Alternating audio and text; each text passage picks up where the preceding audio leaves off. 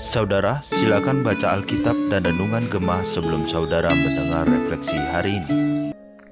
Shalom bagi para pendengar Gemah. Pada kesempatan ini kita berjumpa kembali dan bersuka cita kita boleh bersama-sama memasuki tahun yang baru 2024 dan kiranya kita tetap kuat di dalam Tuhan, tetap dekat sama Tuhan dan saya percaya itulah yang akan menjadi kekuatan kita untuk boleh menggenapi rencana Tuhan di dalam hidup kita bagi kemuliaan Tuhan. Kita hari ini akan bersama-sama merenungkan dari kitab eh, Roma pasal yang kedua dan Anda bisa membacanya terlebih dahulu sekali lagi seluruh pasal ini dan setelah itu kita akan boleh bersama-sama merenungkannya. Mari kita sama-sama berdoa terlebih dahulu. Tuhan mengucapkan syukur atas penyertaan Tuhan. Biarlah kami boleh memasuki tahun yang baru ini bersama dengan Tuhan dan terus dekat sama Tuhan dan Tuhan terus pakai kami dalam kehidupan kami sehari-hari. Terima kasih kami serahkan perenungan hari ini dalam tangan Tuhan. Kau berbicara kepada setiap kami. Dalam nama Yesus Kristus, Engkaulah Sang Penebus. Kami berdoa. Amin. Nah, kita akan melanjutkan pembahasan kita tentang kitab Roma ini. Dan kita sudah melihat bagaimana kaum yang sudah dibahas kemarin mereka yang amoral, mereka yang kompromis, ya, mereka yang uh, sangat tidak memperhatikan akan aturan-aturan, hukum-hukum moral dan sebagainya. Nah, itu adalah satu hal yang ditegur oleh Tuhan melalui Paulus. Dan di bagian berikutnya kita juga bisa melihat satu kelompok lagi yang ditegur juga oleh Tuhan, yaitu yang disebut di renungan gemah kita sebagai kelompok-kelompok agamis, yaitu mereka yang berlindung di balik keagamaan, religiusitas. Nah, ternyata ini juga menjadi satu hal yang dikritik oleh Tuhan melalui surat Roma ini.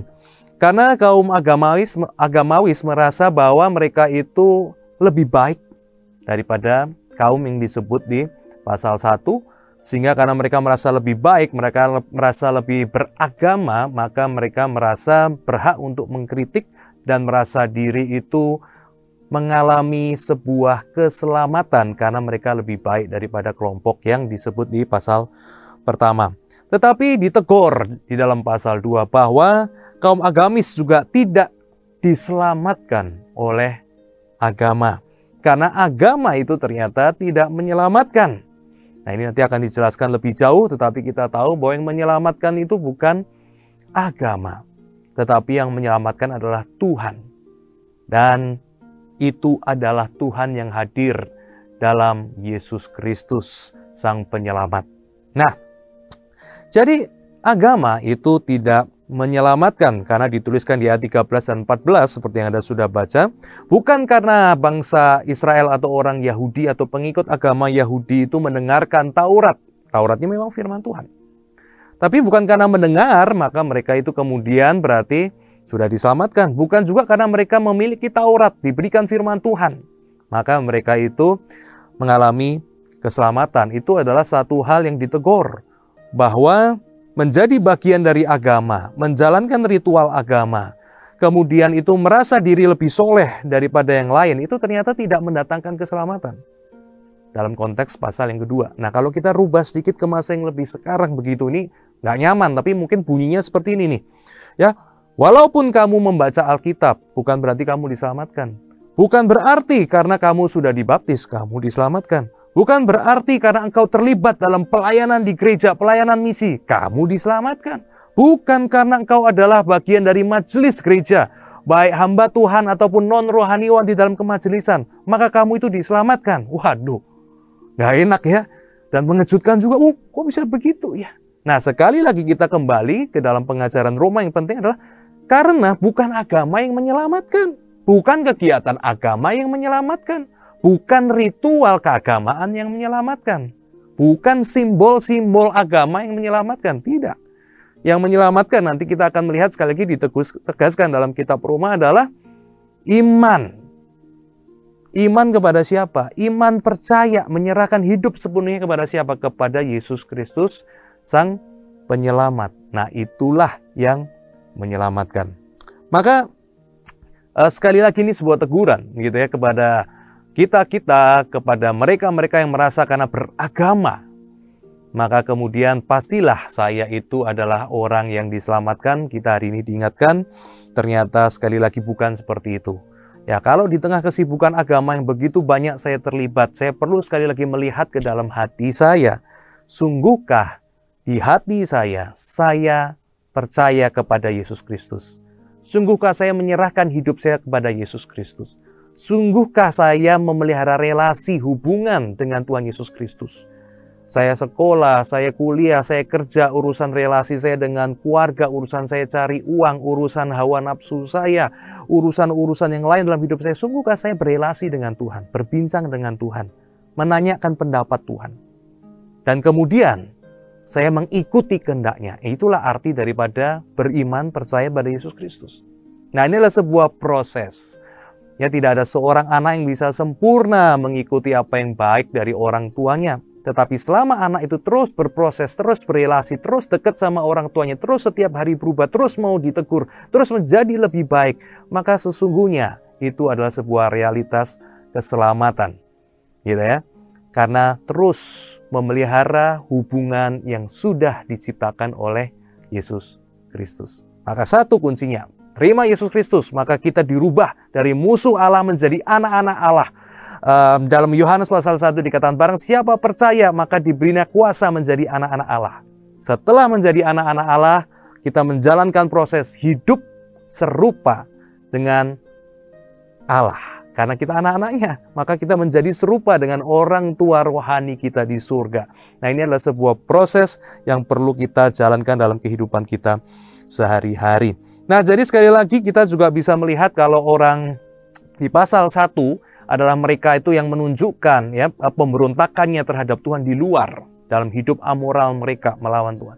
Tapi kaum agami, agamis ternyata sebaliknya. Mereka di luar tidak menunjukkan perlawanan tetapi di dalam menunjukkan perlawanan. Mereka menipu, mereka berzinah di dalam.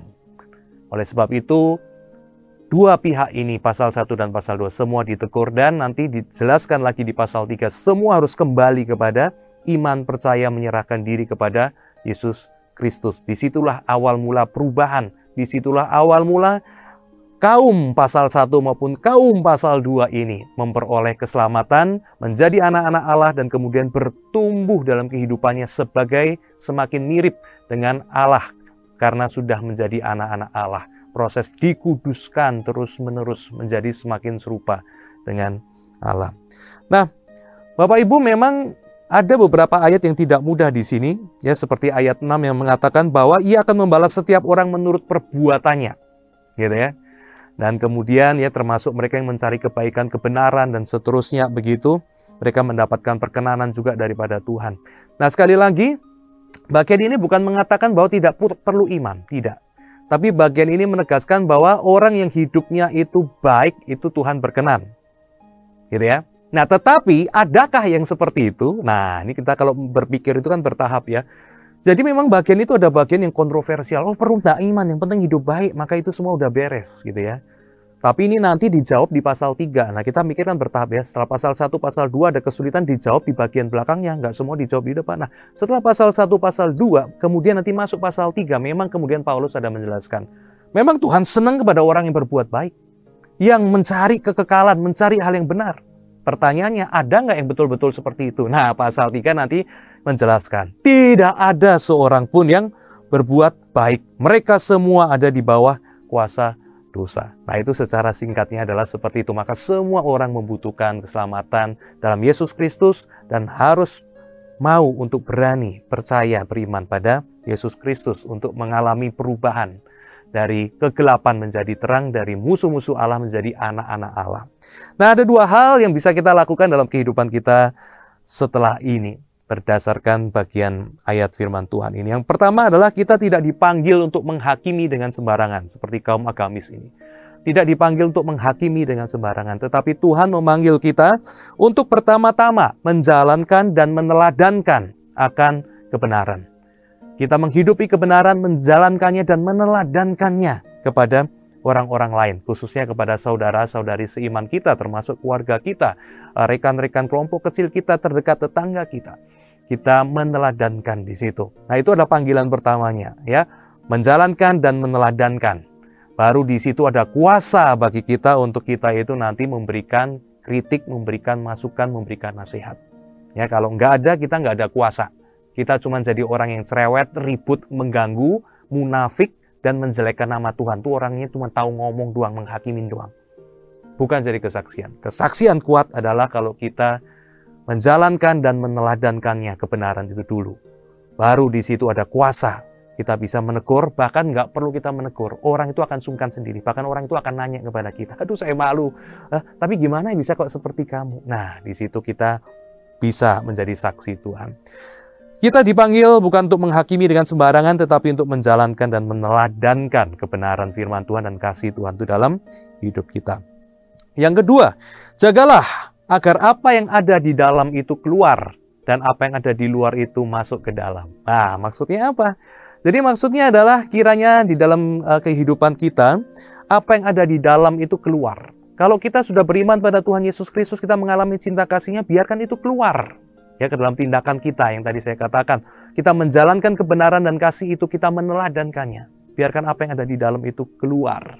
Demikian juga waktu kita beribadah, baik di rumah, saat teduh maupun di gereja, biar yang di dalam itu keluar. Kaum agamawi kan memelihara yang di dalam itu, memelihara yang di luar, tetapi nggak di dalam. Di luar kayaknya berdoa, di dalam itu pikirannya dosa. Nah, kalau kita dipanggil dari dalam keluar. Waktu doa sungguh-sungguh keluar. Perasaan kita senang, sedih, takut, marah, suka, cita, sedang bersemangat. Biarkan itu keluar dalam doa kita. Biarkan itu keluar dalam pujian kita. Dalam ibadah, keluarkan itu. Kalau kita memang lagu pengagungan, keluarkan pengagungan. Kalau kita ngaku dosa, biarkan nyanyi itu keluar. Tentang kita sedang meratapi dosa-dosa kita. Biarkan dari dalam keluar dan biarkan yang dari keluar itu juga ke dalam. Ah, maksudnya itu apa? Maksudnya adalah kadangkala hati kita itu nggak siap kadangkala untuk memuji Tuhan. Tapi biarkan waktu kita nyanyi, kita nyanyi. Kita paksa diri kita nyanyi. Biarkan itu kelihatan kita menyanyi walaupun hati belum siap. Tapi setelah kita nyanyi satu kali, dua kali, tiga kali, sebetulnya izinkanlah lagu itu, izinkanlah kata-katanya, lagu itu meresap dalam hati kita. Dari waktu kita nyanyi pertama terpaksa, tapi setelah kedua, ketiga, pelan-pelan kita terbuka. Kita membuka hati kita, kita memaksa hati kita. Itu mulai kita dengar lagu itu. Dengerin nadanya, dengerin ayat. Demikian juga waktu berdoa. Ya kita kadang-kadang nggak siap berdoa, tapi kita ambil sikap doa, kita siap doa. Kemudian kita mulai, Tuhan saya nggak siap berdoa Tuhan, tapi saya mau berdoa, saya mau memuji Tuhan, saya mau berbicara kepada Tuhan. Nah, kalau kita lakukan itu dengan Tuhan, tolonglah masuk hati saya. Tuhan, tolong mampukan saya berdoa. Sikap kita yang kayaknya agamawi tadi. Walaupun hati nggak siap. Tapi lama-lama mulai meresap ke dalam. Hati kita mulai siap. Maka dikatakan roh kudus itu diberikan supaya kita bisa berdoa walaupun kita nggak tahu berkata-kata. Nah, waktu yang di luar masuk ke dalam, ah, itu adalah sebuah keindahan hidup Ya, bukan agamawi lagi, tetapi relasional terhubung dengan Tuhan. Dari hatinya memang ada hubungan dengan Tuhan.